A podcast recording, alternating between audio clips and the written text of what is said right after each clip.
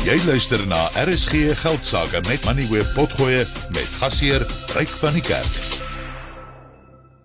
Nou is Jeffrey Kwevane op die lyn. Hy is verantwoordelik vir oorsig oor energie en telekommunikasie by die Tesorie. Hy is 'n amptenaar daar, so ek kan nie met hom politiek gesels nie of oor Andre de Ruyter nie, maar Jeffrey, thank you so much for joining me. Um Darby Root and I just discussed some of the conditions the National Treasury um, attached to the uh, debt arrangement um, you announced with um, Eskom or, uh, yesterday during the budget. And it is very strict. Um, it calls for an independent investigation into the operations of Eskom and that Eskom must implement these recommendations. Uh, what is the background of this investigation? Uh, th- uh, thanks, Ray, and good evening to your listeners. So, the Minister of Finance, if you would recall, in the last year's uh, medium term budget policy statement, he announced that uh, government will be taking a portion of, of between one and, and, and a third or two thirds of Eskom's debt. In developing that solution for Eskom's debt, the minister announced that National Treasury will also be undertaking this independent review.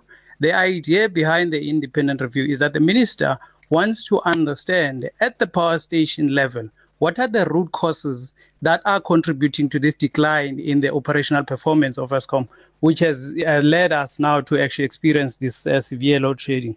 So this is the rationale that, has, that the minister actually thought of. And the idea is that once the review is completed, the outcome of the of that review will then find its way into the conditions that Eskom will have to implement, and this will be done via uh, incorporating all of those conditions into the Eskom's corporate plan, which is the guiding document that they they use to actually uh, run their business.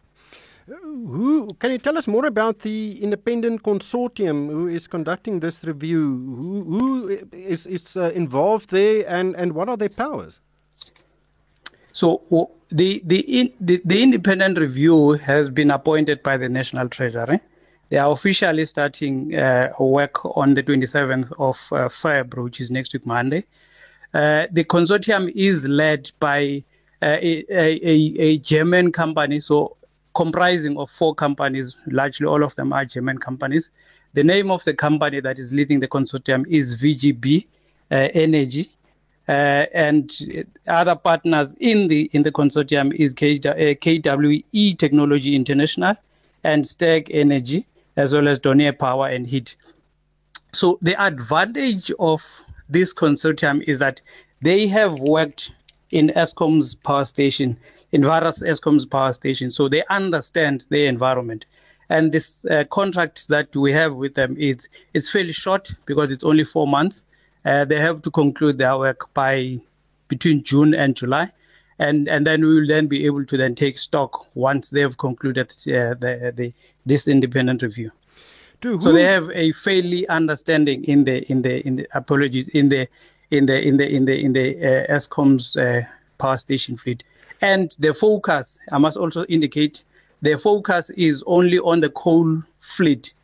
So all the coal power stations of Eskom they will be looking at them.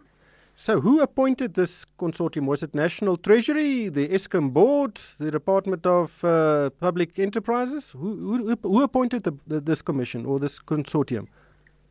It is National Treasury, which is part of this debt uh, relief package that has been announced by the minister. And the the outcomes must be implemented. Um, of course, we don't know what those outcomes must be, but the another condition is that following the implementation of, probably, probably part of that process, um, Eskom must get the private sector to come and run those stations through a concession model, pretty much what we've seen with Transnet recently. Um, has that been discussed with the other government departments? Because there seems to be a significant resistance to such a private sector involvement. Uh, Ray, I must start by explaining that this proposal, uh, this debt relief package, has gone through the, the, the, the, the cabinet. Cabinet has seen the conditions. Uh, but at the same time, we have discussed the, the conditions with uh, uh the Department of, of Public Enterprises and, and, and minerals and energy. However, I need to contextualize the concession, how we've seen it, but that will be augmented by the outcome of the review.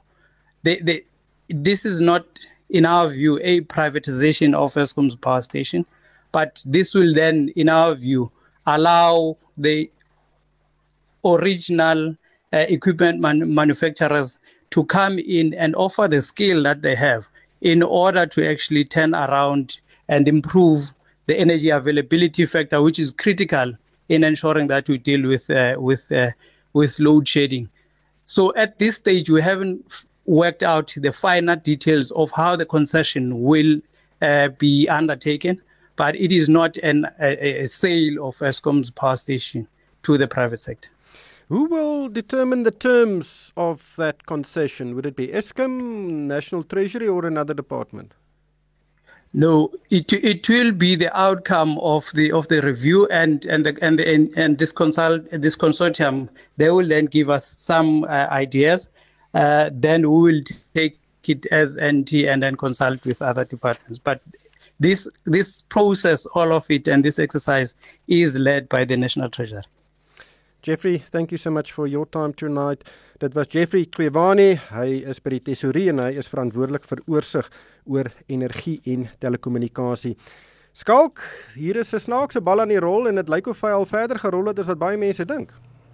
Ja, hy's uh, ja, ek ek ek kon nie help om presies hulle ding gesit te dink nie. Ons ons uh, hier's dinge besig om agter agter geslote deure te gebeur wat uh, wat ek en jy nog nie wat ek en jy nog nie weet nie en ek dink ons is uh, ons is op 'n pad om 'n hele paar dinge uit te vind. Ehm um, en uh, ja, kom ons kom ons hou die plekkie dop. Ons hou die die spasie dop gaan baie interessant wees. Ja, ek dink die sleutel ding is dat die regering besef die privaat sektor moet betrokke raak. Uh, Eskom kan nie op sy huidige pad voortploeter nie daar moet verandering kom en die private sektor gaan 'n groot rol daarin speel. Ek dink uh, soos Dawie ook vroeër gesê het, uh, ons het dit gesien by die SAL en, en hooplik sien ons dit ook by ander staatsbeheerde instellings. Ons kan nie net nog geld na hierdie diep gat gooi nie. Ons het elektrisiteit nodig en die enigste manier hoe ons dit gaan kry is as die private sektor betrokke raak.